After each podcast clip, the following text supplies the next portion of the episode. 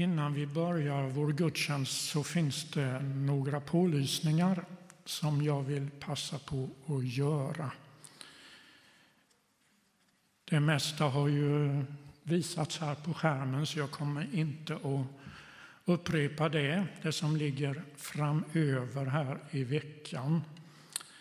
Utan det är en liten pålysning som har med vår gudstjänst att göra.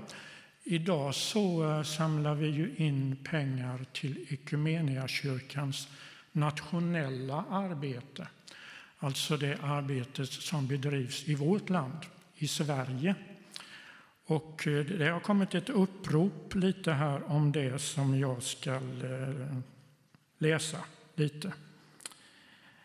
Equmeniakyrkan vill vara en kyrka för hela livet där mötet med Jesus Kristus förvandlar mig, dig och världen.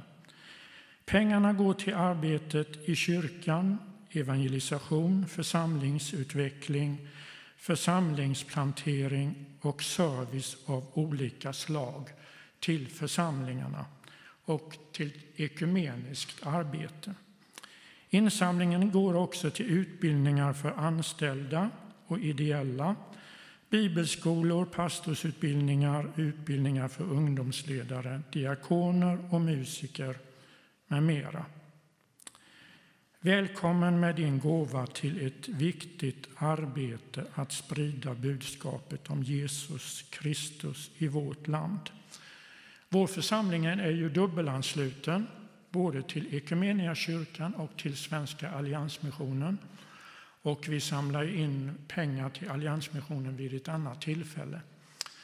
Eh, nu kommer det att ske praktiskt så när vi går ut ifrån vår gudstjänst så kommer det att finnas ett bord vid utgången med två kollektboxar. Och den som vill ge speciellt då till Equmeniakyrkan, då står det en lapp vid den kollektboxen. Vill man bara ge till församlingen så ger man då i den andra kollektboxen. Sen finns det också möjlighet att swisha. Och swishnumret finns nog i bänkarna tror jag, eller kommer det upp här vid något tillfälle. Eh, det får väl räcka med de pålysningarna, tror jag.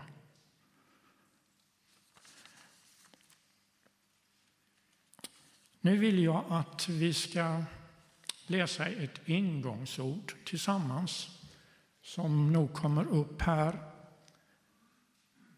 Det är ju en, ett känt ingångsord som vi brukar använda ibland i vår kyrka. Och jag läser det som står bakom L och församlingen läser det som står bakom F. Så börjar vi vår gudstjänst så. Nu är Guds tid.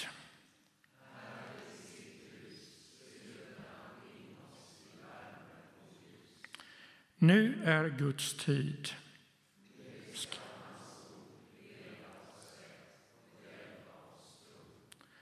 Nu är Guds tid. Nu vill vi be och ta emot vad Gud har att ge. Och det vill vi göra nu. Vi vill be dig, vår käre Fader i himmelen, att du tar hand om oss i vår gudstjänst idag. Vi vill gärna igen gripas av din kärlek, gripas på nytt och på nytt.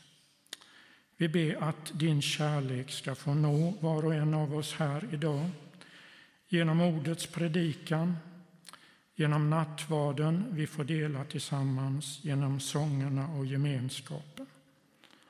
Tack att vi får vara här idag. Ta hand om barnen som om en stund ska gå till sina samlingar och de ledarna som kommer att ha hand om de samlingarna.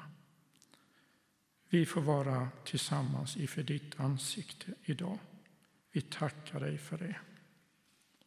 Amen.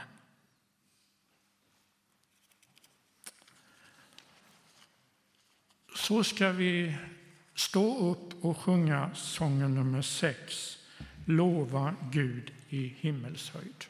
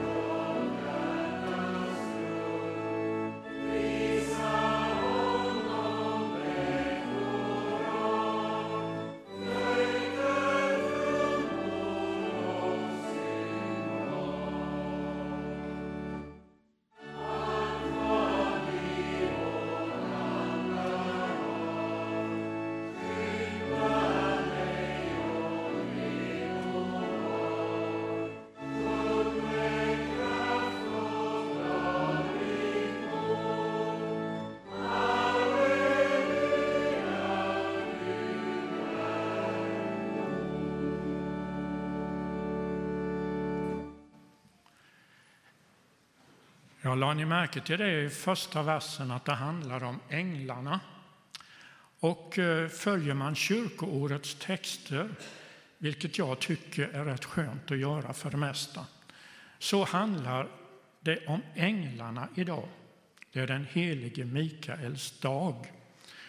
Och eh, ja, följde man inte kyrkoåret, så tror jag ju att det sällan skulle predika om, predikas om änglarna annars.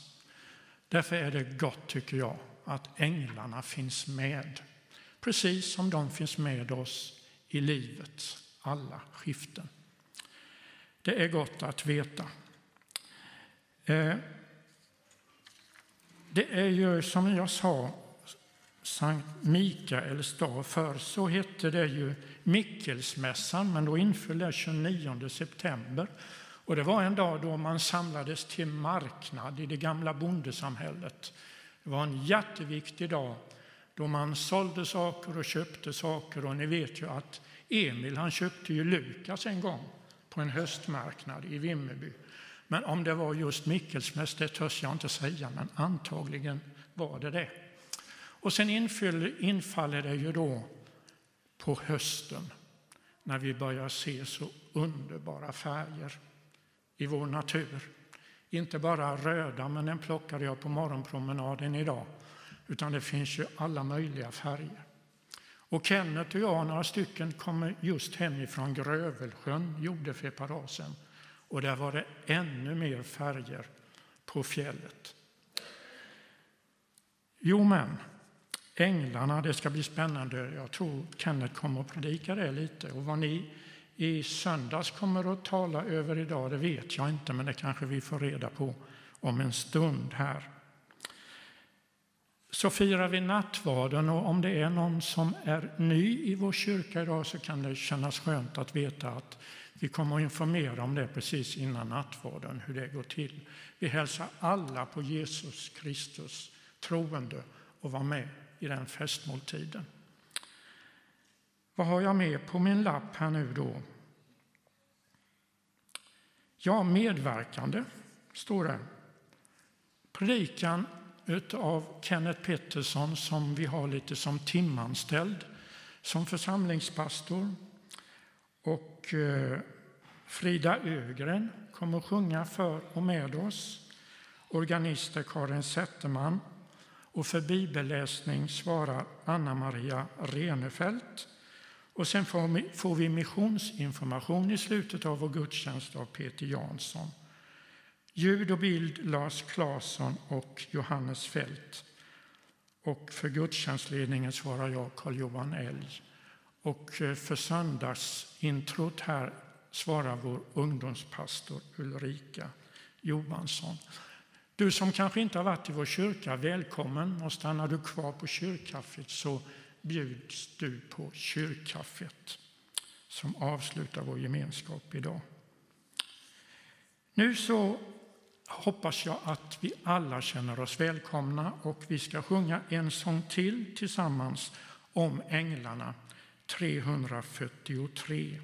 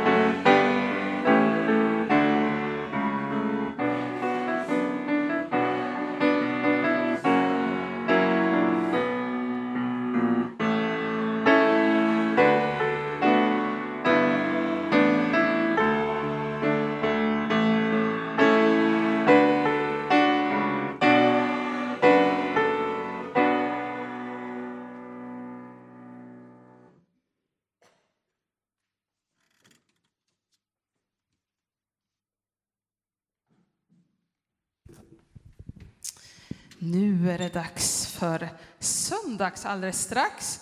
Och då skulle jag ju behöva hjälp av några som kikar i den här ryggsäcken som Alma så bra bär åt mig. Är det några? Fyra stycken? Två ser jag på gång. Och här kommer två till. Då är vi fyra stycken. Vi se om vi kan öppna. Det, jag förvarnar, det är en sak som är lite farlig här i, så man får, man får plocka lite försiktigt. Ska du börja? Vill du det?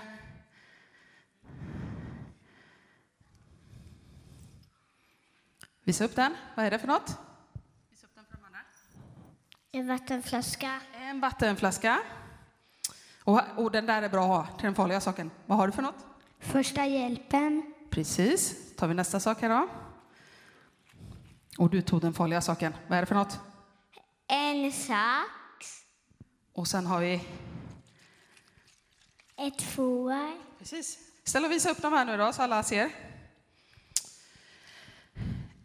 Är det någon som vågar gissa vilken som ska bort? Jag tror saxen ska vara bort. Har du någon aning varför?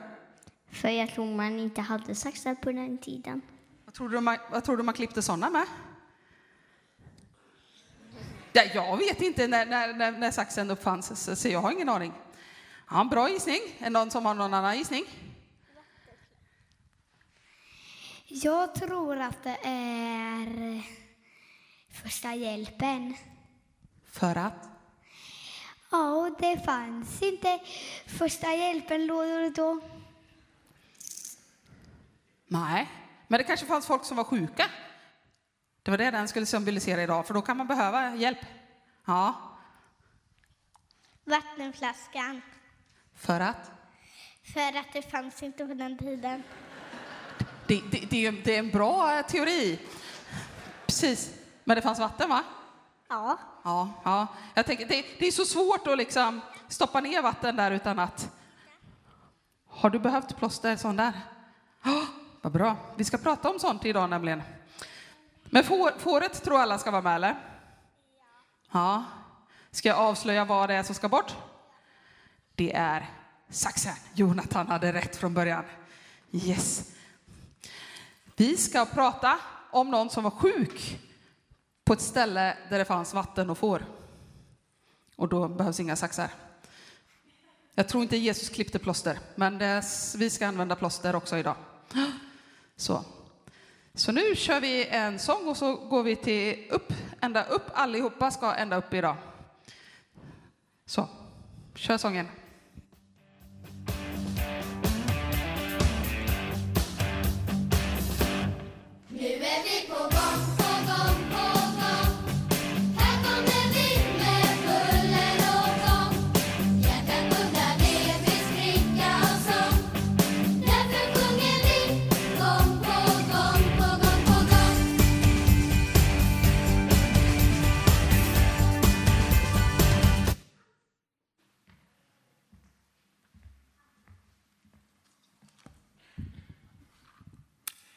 Jag vill läsa den eh, gamla testamentliga texten som är föreslagen för den här söndagen. Och den är hämtad från Första Moseboken kapitel 28, vers 10-17. Jakob lämnade Bersheva och tog vägen mot Haram. Han kom fram till en plats där han stannade för natten eftersom solen hade gått ner. Han tog en av stenarna på platsen för att ha den som vid huvudgärden. Sen la han sig ner för att sova. I drömmen såg han en trappa som ledde från jorden ända upp till himlen och Guds änglar gick upp och ner för den. Och Herren stod framför honom och sa Jag är Herren, din fader Abrahams och Isaks Gud. Marken som du ligger på skall jag ge åt dig och dina ättlingar. De ska bli som stoftkornen på jorden och du skall utbreda dig åt väster och öster, åt norr och söder och alla folk på jorden ska önska dig den välsignelse som du och dina ättlingar har fått. Och jag ska vara med dig och skydda dig vart än du går och jag ska föra dig tillbaka till detta land. Jag kommer inte att överge dig. Jag ska fullgöra det som jag har lovat dig. Jakob vaknade upp ur sömnen. Sannerligen, sa han, Herren är på denna plats och jag visste det inte. Och han greps av bävan och sa, detta är en plats som väcker bävan. Det måste vara Guds boning. Det här är himmelens port. Vi tackar dig, Herre, för att du precis som du talade till Jakob talar du till oss idag. Jag skall aldrig överge dig. Jag ska göra det jag har lovat. Vi ber så och tackar dig i Jesu namn. Amen. Som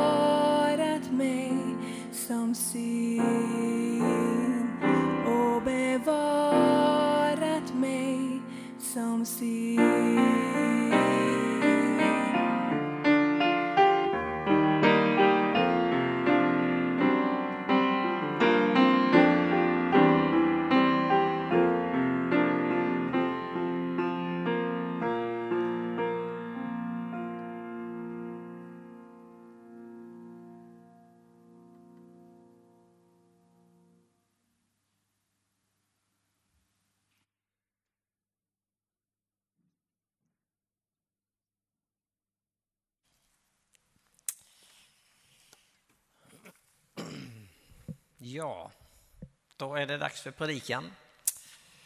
Det var gott att vara tillbaka i Taberg igen. Kul att se er.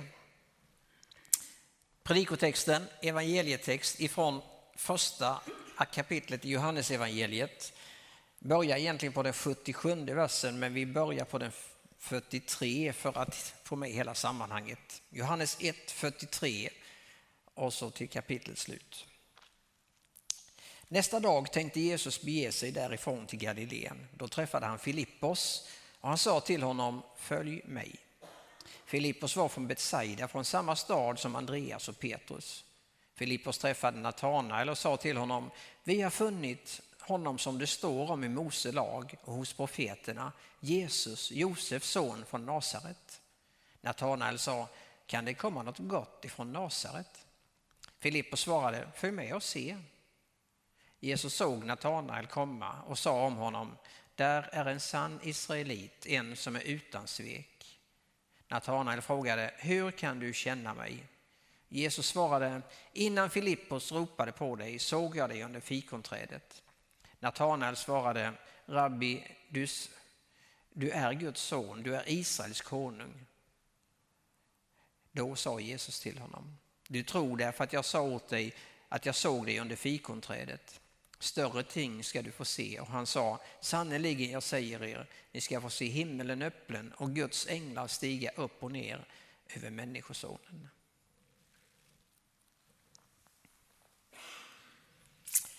Ja, det är Mikael idag och vi predikar om änglar. Välkomna med på en resa där alla frågetecken ska rätas ut. Änglar finns de? Hur många är de? Kan man se dem? Vad är änglarnas uppgift? Finns det en personlig ängel för var och en av dem? Skyddsänglar finns de? Och så vidare. Detta och mycket mer ska vi besvara i predikan idag. Eller kanske inte riktigt så. Men det har funnits, kan man säga, två diken genom kyrkohistorien. Antingen har man fastnat för det här och skrivit väldigt mycket om änglar eller så har man inte skrivit egentligen någonting alls. Alltså det finns väldigt många stora teologiska verk som, som berör den kristna tron från A till Ö där änglarna får väldigt, väldigt liten plats. Det är nog nästan det vanligaste skulle jag säga. Dionysus och Thomas Aquino skriver ju mycket om änglarna medan Karl Barth påstår att det är så här att änglarna är det märkligaste och svåraste av allt att förklara, påstår han. Ja, det är ju det där med änglar. Och vem har inte bett med barnen eller tagit med den där konstiga, skulle jag säga, lilla bönen. Det går en ängel runt vårt hus. Han bär på två förgyllda ljus, han har en bok i handen och nu somnar vi i Jesu namn. Om någon kan förklara den för mig så kan vi ta det vid kyrkkaffet. För det är liksom, jag har använt den själv men jag har aldrig riktigt begripit mig på den. Det går en ängel runt vårt hus. Han bär på två förgyllda ljus. Han har en bok i handen. Då har han tre händer först, eller ängeln. Eller två ljus och en bok. Ja, det, det, ja, vi kan ta det sen. Det är lite kryptiskt i alla fall. Eller så har man fått en tavla i söndagsskolan. När man hade gått 15 gånger i Söderby eller så, så fick man en, en tavla eh, med en ängel som går bakom barnen som går över en skraltig bro och det är ju då en bild av, av en skyddsängel naturligtvis. Eller så kanske det är så här att man hejar på änglarna. Det gör man ju om man hejar på IFK Göteborg. Då, då hejar man ju på änglarna. De kallas ju så. Men finns de egentligen riktiga änglar? Alltså, om du googlar på änglar eller ängel, det gjorde jag, då fick jag endast 3 750 000 träffar. Så att jag hann inte läsa igenom riktigt alla. Men Wikipedia säger att en ängel är ett andeväsen som till största delen förekommer inom de monoteistiska, abrahamistiska religionerna judendom, kristendom och islam och vars uppgift är att tjäna Gud. Det kan vi hålla med om, eller hur? Det är ju riktigt bra. Men sen finns det mystiska saker som spådamer och spirituella medier som erbjuder sig tjänster att lära känna änglarnas värld. Man kan köpa änglar i porslin eller papp eller plåt eller glas eller ja, vet, det är bara att välja och så. Så det är ju en, en levande fråga på något sätt. I Bibeln möter vi änglar. Ofta faktiskt.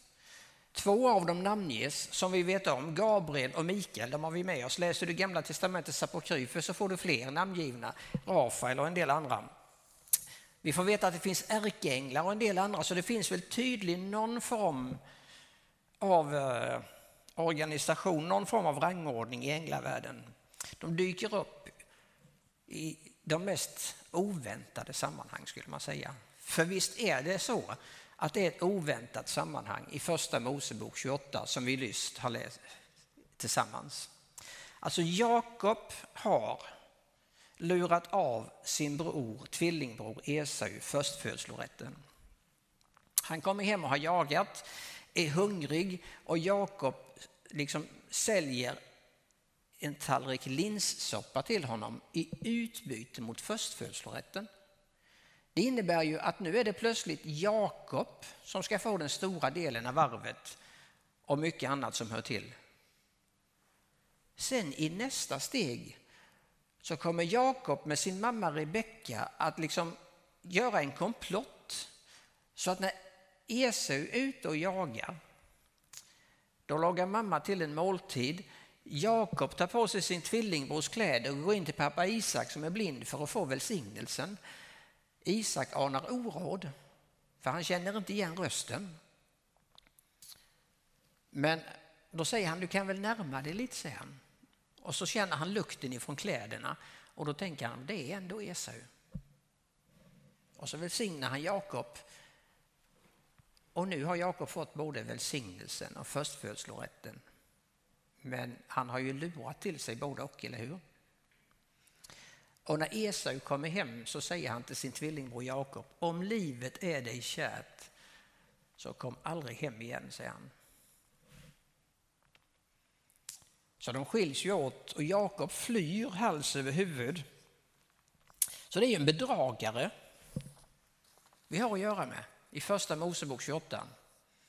Han kanske är lite trött, lite orolig, lite fundersam när han kommer till den här platsen Lus och han tar en sten till huvudkudde. Det kan ju låta lite, lite obekvämt kanske. Vi kanske hade valt något annat, men vid den här tiden så kunde det faktiskt vara så här att stenen kunde vara en, jag säga, en symbol för gudsnärvaron.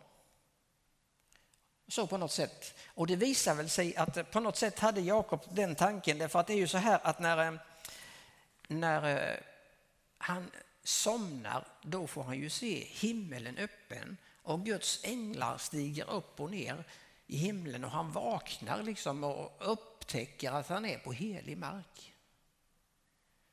Han säger, här är ju himmelens port, säger han. Här bor ju förvisso Gud och jag visste det inte. Han är helt överrumplad. Han var ju inte värd något änglabesök. Men han får ett änglabesök, han får ett löfte och han får löfte om beskydd och han får ett uppdrag. Vad gör han? Jo, han tar stenen som han har sovit på, smörjer den med olja och inviger den här platsen till en plats för tillbedjan och bön. Och så säger han, nu ska det inte hitta Lus längre, nu heter den Betel som är Guds hus. Det är ju många kapell som har hetat Betel efter det, eller hur? Det är ju precis just efter det här sammanhanget. Jesaja går till templet, helt ovetande höll jag på att säga, till bön och plötsligt möts han av en ängel. Och här får han sin kallelse och det kommer förändra inriktningen på hans liv. Det finns många sådana berättelser i Gamla Testamentet. Och så fort du kommer på nytestamentlig mark så kom, dyker de upp igen. Alltså, änglarna besöker ju Josef och Maria och Sakarias och Elisabet. Ni vet, det bara vimlar av änglar i Matteus och Lukas i inledningen av när de berättar när Jesus föds. Det, finns mängder av dem. Petrus och Johannes blir befriade av änglar i apostlagärningarna ifrån fängelset och då ger de sig ut och predikar igen. Det kanske inte vi hade gjort det, men har du en gång åkt i fängelse och så blir du befriad och kanske du försöker komma undan. Nej, de går rakt in igen liksom. Och så börjar de predika. Petrus blir befriad en gång till sen i kapitel 12 i apostlagärningarna. Så han får vara med om det två gånger faktiskt. Och i Hebreerbrevet så påstår författaren till Hebreerbrevet att det är så här att vi, vi kan, om vi är gästfria kan vi få änglar till gäster utan att vi vet om det, står det. Så änglar är alltså en um, ganska vanlig företeelse i Bibeln. Även om vi inte pratar mycket om dem och vi kanske inte hade predikat om dem om inte de hade funnits på kyrkoåret som Karl Johan sa, jag håller med dig där. Men, men i Bibeln är det ju helt naturligt liksom med änglar. Och så är det i första kapitlet hos Johannes också, som vi läste idag, hämta evangelietexten. Det här första kapitlet med prologen som ger en gigantisk portal in i evangeliet. Han börjar ju från början, i begynnelsen var ordet, och ordet var hos Gud, och ordet var Gud. Och så får vi läsa om hur Jesus på något sätt Alltså Gud inkarneras eller blir människa i Jesus så att Gud tältade ibland oss eller tabernaklade ibland oss. Och det, då tänkte varje jude liksom att ja, men det är ju Guds närvaron det handlar om. Gud mitt ibland oss. Gud är nära och ändå helig. Det är liksom den där kombinationen. Nära och ändå helig. Och så får vi med oss att alla berättar för varandra på något sätt. Petrus och Andreas berättar, Filippos berättar för Natana eller så bara fortsätter det. Och där kanske vi på lite har tappat i kyrkan idag, eller hur? Vi, vi, vi funderar lite på hur vi ska göra med evangelisation och strategier och så. Här är det helt nu, liksom naturligt, det går inte att låta bli. Det bara löper vidare berättelsen. När man har upplevt något så stort så går det inte att låta bli att berätta. Mitt liv är ju förvandlat. Och enkelt är det dessutom. För Jesus säger, men åt alla de som tog emot honom så gav han rätten att bli Guds barn. Enklare än så blir det inte. Men åt alla dem som tog emot. Så berättelsen och vittnesbördet, det är den där pulsen, den är viktig hela tiden. Och mitt i den berättelsen så möter Natanael Jesus och får löftet om att se större ting. Han får också löftet om att se änglar stiga upp och ner. Och kanske började liksom väckas en tanke i Natanael då, för det står ju om han, att han var en sann israelit, eller hur? Det innebär ju att han kan sitt gamla testamente mer eller mindre innan och utan, framförallt de fem Moseböckerna. Det är klart att han tänker på berättelsen i första kapitlet, eller i 28 kapitlet i första Mosebok. På hur Jakob fick se den där stegen med änglar som steg upp och ner. Och nu säger Jesus att han ska få se det. Jag tror han kopplar ihop de två berättelserna, precis som man har gjort på kyrkoåret idag. Vi är ju lite mer hårdhudade när det gäller de här bitarna. Alltså vi i västvärlden och i Sverige, vi tänker ju att det där med naturvetenskapen och vetenskapen som ger många och bra och tydliga svar, alltså så jorden och världen här och nu kan ju förklaras och är ganska naturlig för oss. Himlen däremot är kanske lite långt borta, den kommer in senare i våra liv. Vi, vi är ju rationella, liksom, förnuftiga människor. Och då är det frågan, kan man tro på änglarna då? Men tänk, tänk om det bara är en tunn, tunn hinna emellan oss och himlen, emellan oss och den himmelska världen. I Apostlagärningarna 6 så står det när de hade förhört Stefanos att de tittade på honom och såg att hans ansikte var som en ängels, står det. Och så försvarar han sig och så står det sen i det åttonde kapitlet att Stefanos i slutet av det där rättegången säger jag ser himlen öppen, säger han. Och jag ser att Jesus sitter på Gud faders högra sida. Det är som en, det är liksom en liten reva på något sätt i den där tunna hinnan mellan himmel och jord. Tänk om himlen är en del av verkligheten redan här och nu. Hade vi läst e- episteltexten hade vi kommit in i den himmelska gudstjänsten.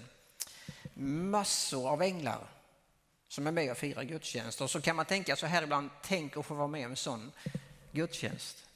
Det ska bli härligt att få vara med det en gång. Men tänk om vi firar gudstjänst parallellt. Den himmelska världen och vi. Precis som altarringen i kyrkan vittnar om när du kommer in i den, då är det ju en altarring och den är ju bara halva här för symbolen är ju den att den andra halvan är i den himmelska världen. Så när vi firar gudstjänst här så firar de gudstjänst på den andra sidan hemma i himlen också, vilket gör att egentligen firar vi gudstjänst tillsammans. Det är ju själva symbolen med altarringen egentligen. Allt hör ihop på något sätt. Så tänk om hinnan brister på något ställe den här förmiddagen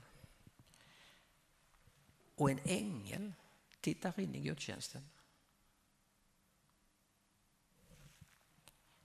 Natanael och Jakob, de var ju liksom inte beredda på det, det är inte vi heller kanske. Men de här texterna som jag läst tar ju inte vara på det spektakulära utan på den där tonen av Guds närvaro. Att Gud går med oavsett. För Jakob och Natanael kom det oväntat. Gud bor förvisso här och jag visste det inte, säger han. Natanael sa lite tidigare i texten, det var därför jag sa det, kan något gott komma från Nasaret, säger han. Och så möter han Jesus och får löfte om änglabesök. Har du träffat någon nu levande person som har mött änglar? Det finns ju massa sådana berättelser naturligtvis. En del som är lite mer spektakulära än andra, men eh, Allan Wendefors berättar ju alltid om änglar förstås. Gjorde på sin tid. Det finns... En kollega till mig berättade, de var inne i en svår, lite tuffare period i livet.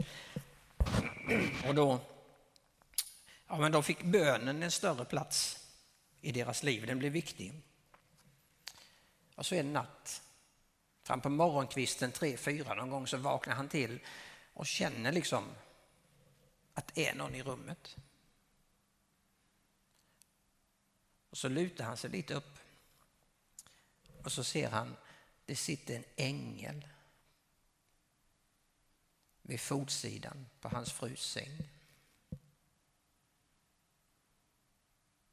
Och jag har ingen anledning att betvivla det. Han berättade aldrig hur ängeln såg ut eller hur, hur, det, hur det var. Han bara, han bara berättade. Då vaknade jag, sa han, och det satt en ängel på fruns säng. Det liksom mättade hela deras, när, eller deras liv med Guds närvaro på något sätt och bar dem igenom den situationen där de befann sig. Det är väl mycket det änglarna gör, eller hur? Men visst är det vissa saker som är svårt. När jag gick på Kottebo så körde jag lite extra buss ibland som jag har hållit på med det länge, så kom jag ihåg att jag landade in i Rådhusparken och släppte av folk och då kommer det räddningstjänst, ambulans och brandkår och grejer liksom i full karriär utåt Bankerydshållet. Och bara någon minut efter så ringer en, en av mina klasskamrater som bodde ute på Kottebo och sa att eh, en av våra lärare hade blivit påkörd på järnvägsövergången som då inte var bevakad ute vid Kottebo. Kommit med sin bil och hunnit nästan över och så kom bilen, och, eller tåget och, och tog bilen. Så bilen var ju helt förstörd men hon klarade sig. Och då gjorde vi ett närradioprogram som heter Änglavakt. Det var ju inte så konstigt, eller hur? Problemet blir ju när olyckan är framme och får en annan utgång en tragisk utgång, som när Jan Arvid Hellström exempelvis var på väg hem. Ja, det är sådana frågor, tänker jag, som är väldigt svåra att besvara. Och det kanske är så här att alla frågor har faktiskt inget enkelt svar, kanske inte ens något svar här och nu, förrän vi är hemma. Så kan det faktiskt vara, även i den här saken. Men likväl så tror jag att det är så här att änglarna finns. Och jag tror att hinnan emellan den himmelska världen och vår är väldigt tunn. Och tänk om vi skulle få änglabesök här och nu eller någon gång framöver när vi verkligen behöver det. Leva med den vetskapen att den hinnan är väldigt tunn liksom. När du minst anar det kanske du som Jakob och Natanael faktiskt får möta en ängel. Glöm inte bort att änglarna finns, att de är här för att se hur du har det, att de kan hjälpa dig fast de inte syns. Glöm inte bort att änglarna finns, glöm inte bort att änglarna finns, att de är här för att se hur du har det, att de kan hjälpa dig fast de inte syns. Glöm inte bort att änglarna finns.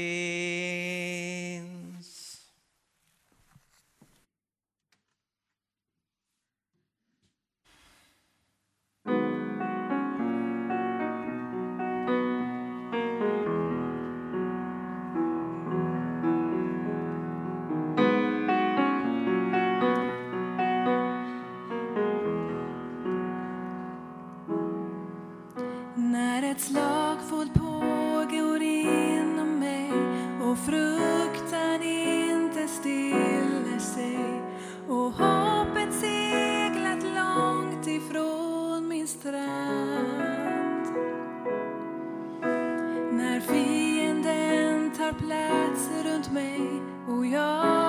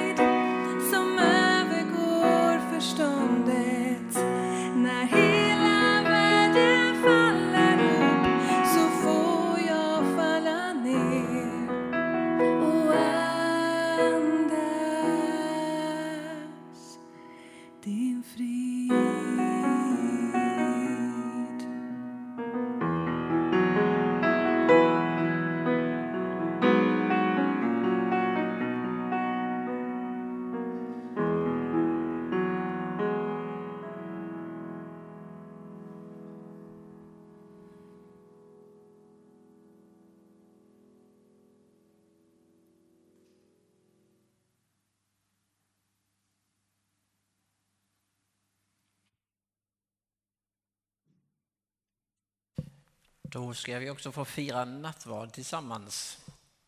Och eh, här går det till så att vi kommer att följa så småningom en ordning som ni får på powerpointen här. Och eh, våra nattvardstjänare kommer så småningom först till att ta del av gåvorna. Sen blir det stationer här framme dit du kommer och tar emot nattvarden. Skulle det vara så här att du känner att du inte har möjlighet att komma hit fram men ändå vill ha nattvarden så kan du också ge ett tecken så ser vi till så du får den där du sitter. Det finns också möjlighet att tända ljus här på sidan. Du kan skriva bönelappar och lägga i. Om du viker ihop lappen så kommer den att finnas med i bön men vi vicklar inte upp den och läser den. Lämnar du lappen öppen så kommer vi också läsa upp bönämnet här i gudstjänsten. Så sjunger vi tillsammans 803.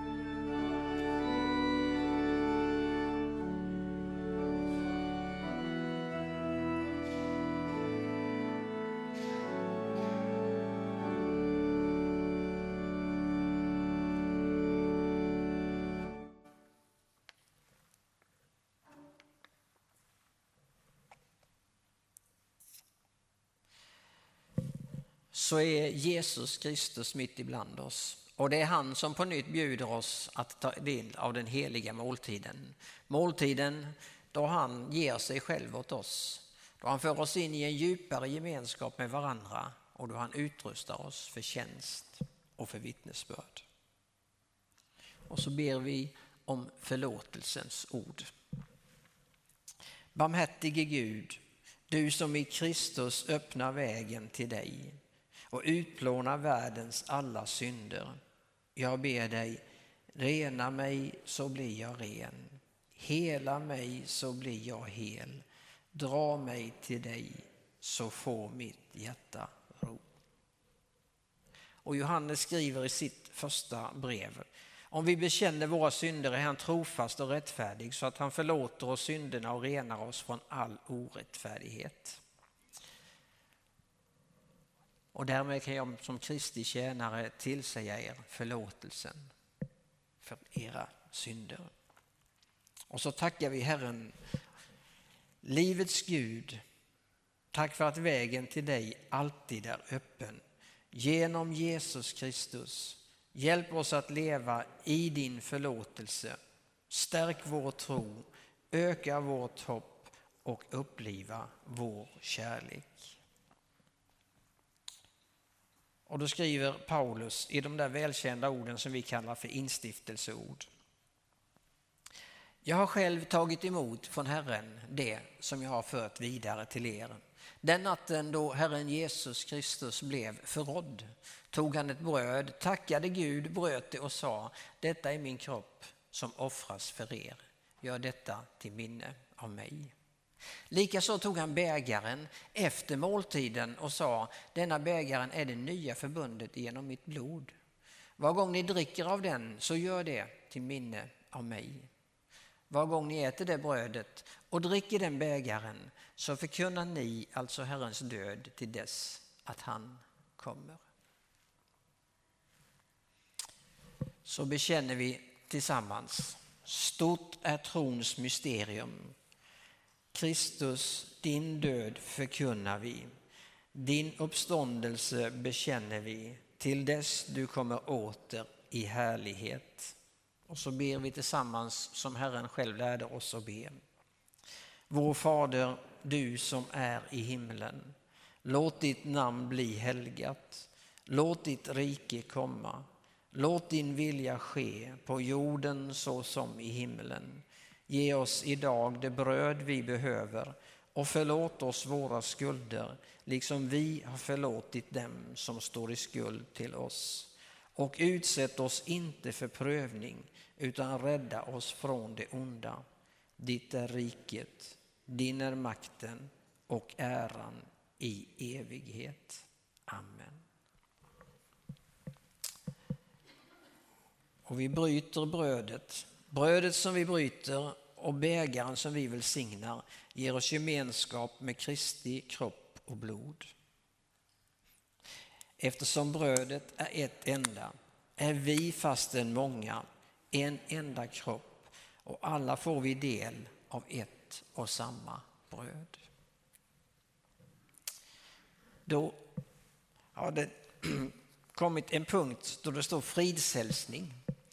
Och då hälsar vi varandra i bänkarna med Guds frid. Och under tiden ber jag att nattvardstjänarna kommer fram.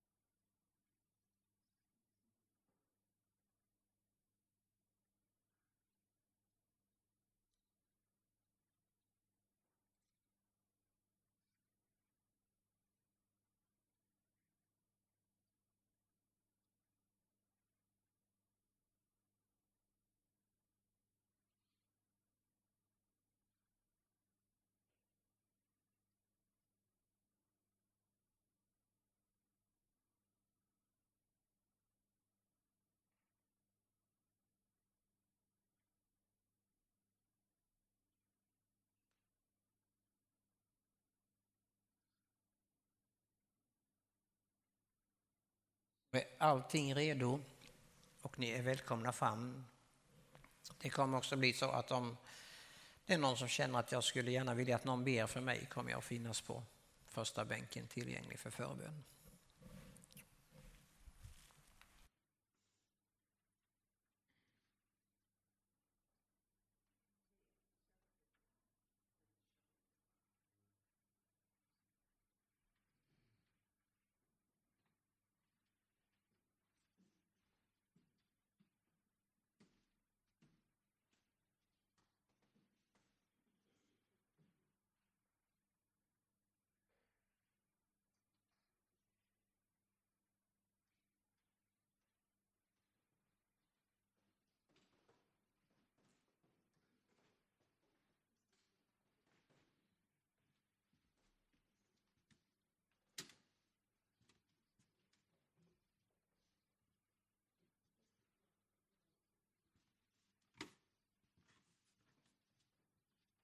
Herren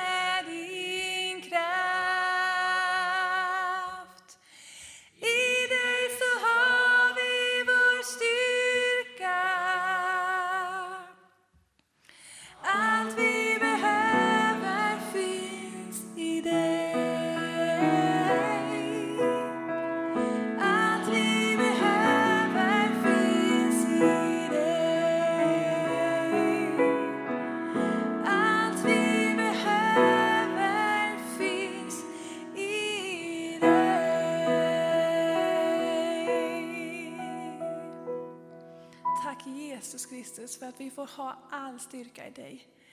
Jesus, du är vårt allt. Allt vi behöver finns i dig. Låt oss förtrösta på dig Jesus.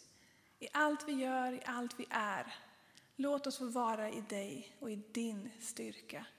För vi har allt vi behöver i dig.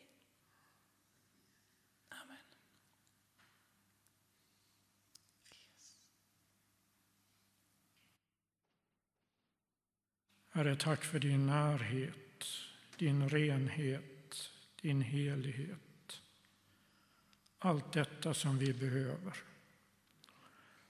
Och vi har känt den där tunna hinnan. Det där tunna membranet till allt det du står för i ditt rike. Allt du ger oss, bland annat av änglar, änglars beskydd, änglar som strider för oss, som sätter krokben på ondskan i världen.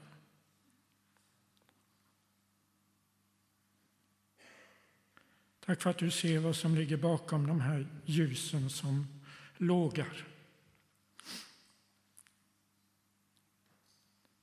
Tacksägelse, men också bön om hjälp. Människor som är sjuka, ensamma, förtvivlade, ställer frågor. Men också glädjen för vad livet ger, för vad livet betyder i människogemenskapen, för församlingsgemenskap, för bönens bro. Så vill vi be för den här lappen som finns i förbönskorgen Be för sonen som ska på efterkontroll efter cancerbehandling.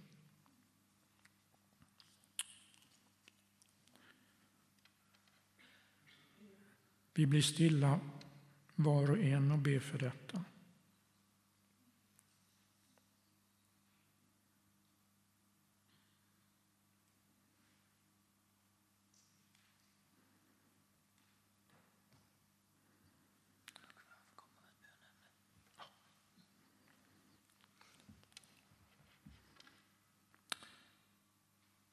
Tack Herre att du har hört våra böner. Var med hela den här familjen med din frid och din närvaro. Och hjälp den här killen nu att allt är bra. Varsågod Fredrik. Ja, jag har ju förmånen att få vara tonårsledare med, för alla ungdomar i den här dalen. Och eh, på fredag så är det ju T-centralen som det heter, en stor samling i Värnamo som har varit i många år. Där det är ja, typ tusen ungdomar som samlas med, och ledare.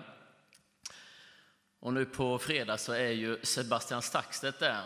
Och jag kände ju när du pratade om här att Eh, eller Kenneth pratade om med Natanael och det här att den förvandlingen, bara ljuset kan besegra mörkret som jag gjorde med Sebastian. Att han kan ju inte vara tyst om det.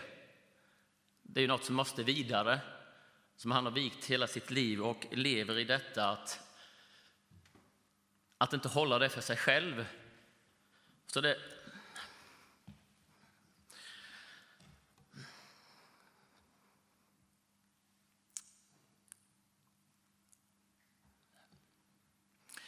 Det är ju en bön att vi alla ska vara med på fredag så att den helige Andes våg bara får bryta över alla ungdomar, alla som är. Ehm, att ehm, ja, det får bli en våg för vårt land och för allt, att det får hända en förvandling, att man får se att det viktiga i livet är Jesus. Inte allt som samhället och allt vi matas med, utan vad det viktiga är. Och det är det vi samlas varje fredag, att kunna ge det om vi har roligt och vi har skoj, men att det viktigaste när man kommer från fredagen är att man är älskad och Gud att man är älskad av Jesus. Så tänk gärna på oss och alla som är där på fredag. Och vi kan be för det nu med givetvis. Vi kan väl be för konfirmanderna också. Ja, de här träffades ju 13 stycken här nu ute på Granö i helgen. Vill du ta med oss? Absolut. Ja, tack kära far i himmelen.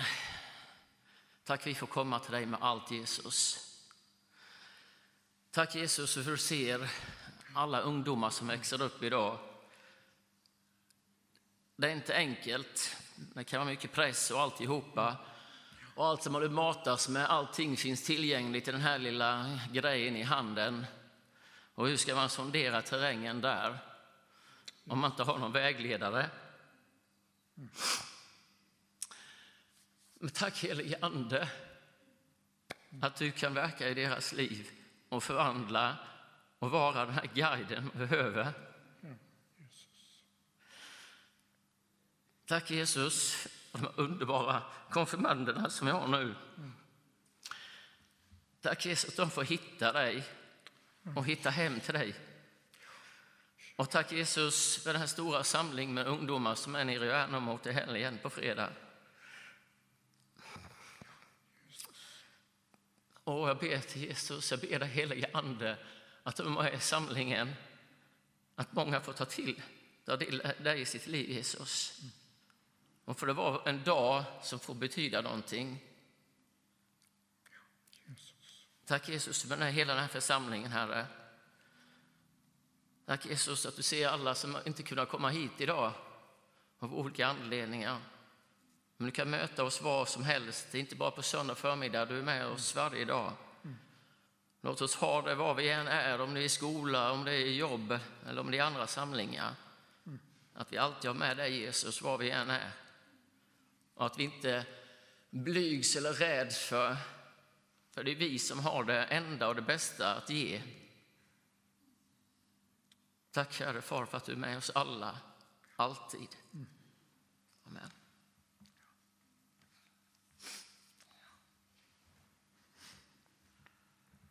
Herre, så vill vi be för situationen just nu när vi är utan församlingspastor och anställd ungdomsledare. Vi lägger fram det bönämnet på nytt och på nytt inför dig och ber att det pusslet ska bli helt. Vi tackar dig för Ulrika som jobbar som ungdomspastor. Ge henne styrka och kraft. Och vi ber om din välsignelse över församlingsstyrelsen som har att handlägga de här personalfrågorna. Ge vishet och kraft och glädje i deras arbete. Och i alla ungdomsledares arbete nu som veckan som kommer får tjäna- tjäna dig med sina gåvor.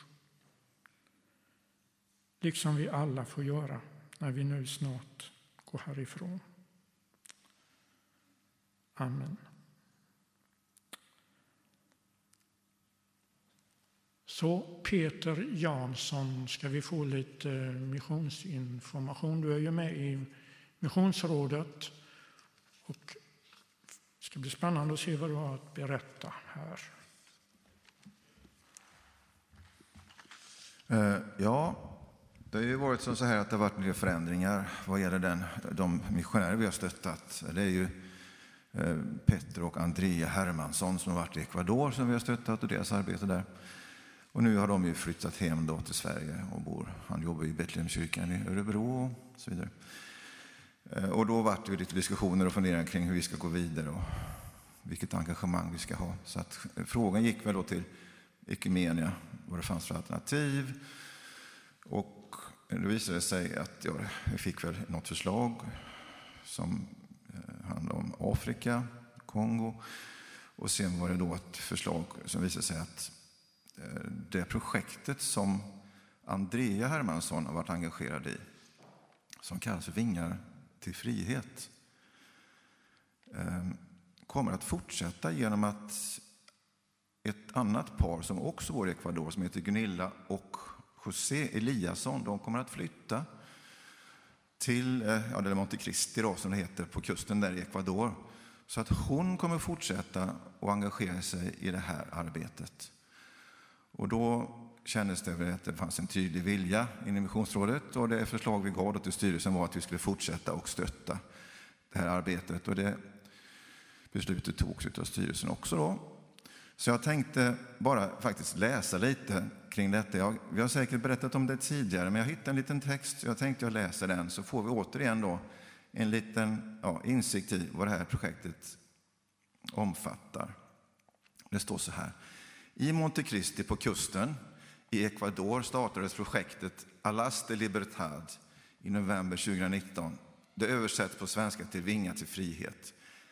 Det är tänkt att ge just vingar till frihet för alla de som sitter fast i destruktiva relationer där våld, misshandel och övergrepp är vanliga. Det är vanligt förekommande att främst kvinnor blir utsatta för våld av sina partner och även våld eller sexuella övergrepp mot barn. Teamet har som fokus att arbeta förebyggande genom att utbilda både vuxna och barn. Man ger stödsamtal och terapi för den som önskar samt bistår med vägledning i juridiska frågor. Teamet finns med i processen för vad som är varje enskildas, enskild kvinnas behov för att känna sig trygg och kunna gå vidare i sitt liv.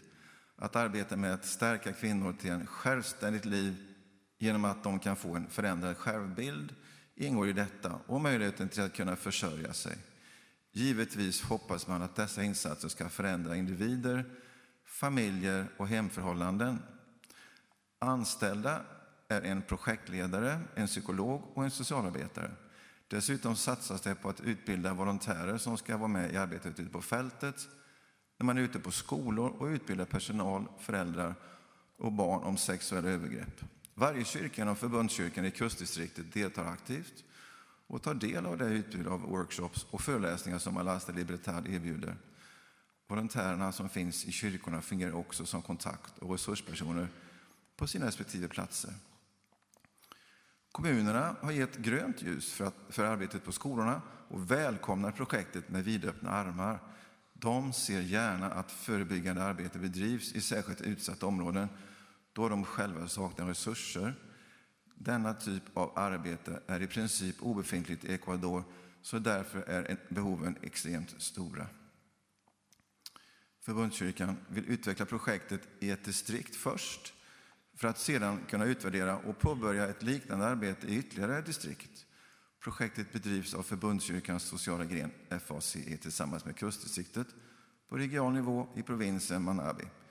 Equmeniakyrkan bidrar ekonomiskt och personellt.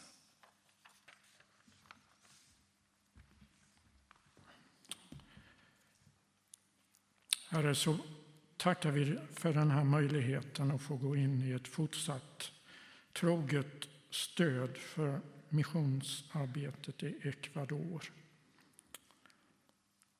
Var med i hela det här projektet. Vi vill också be om din välsignelse över den gåvan vi ska samla in här nu i slutet av vår gudstjänst.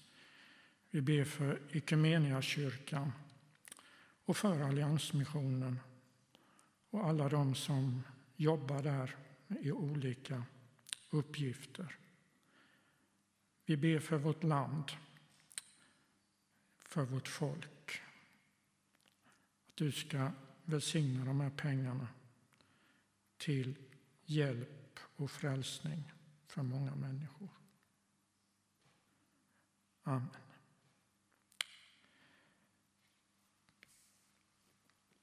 Ta så emot Herrens välsignelse innan vi sjunger en sång tillsammans.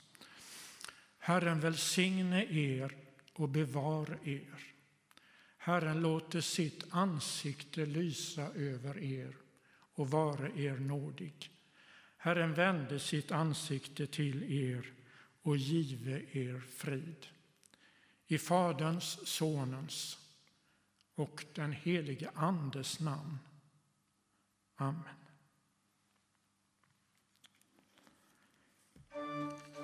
Ett, ett ögonblick här, Karin. Där. Ja.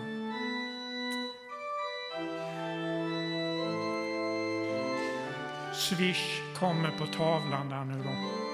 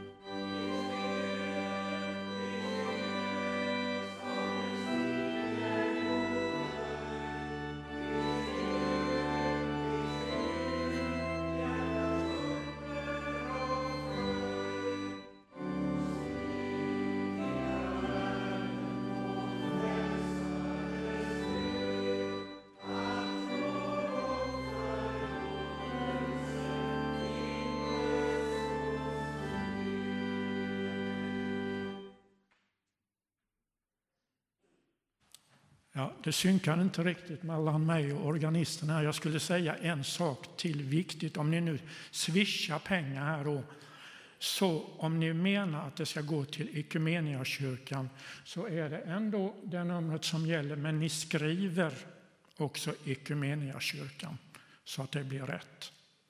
Så fortsätter vi Karin.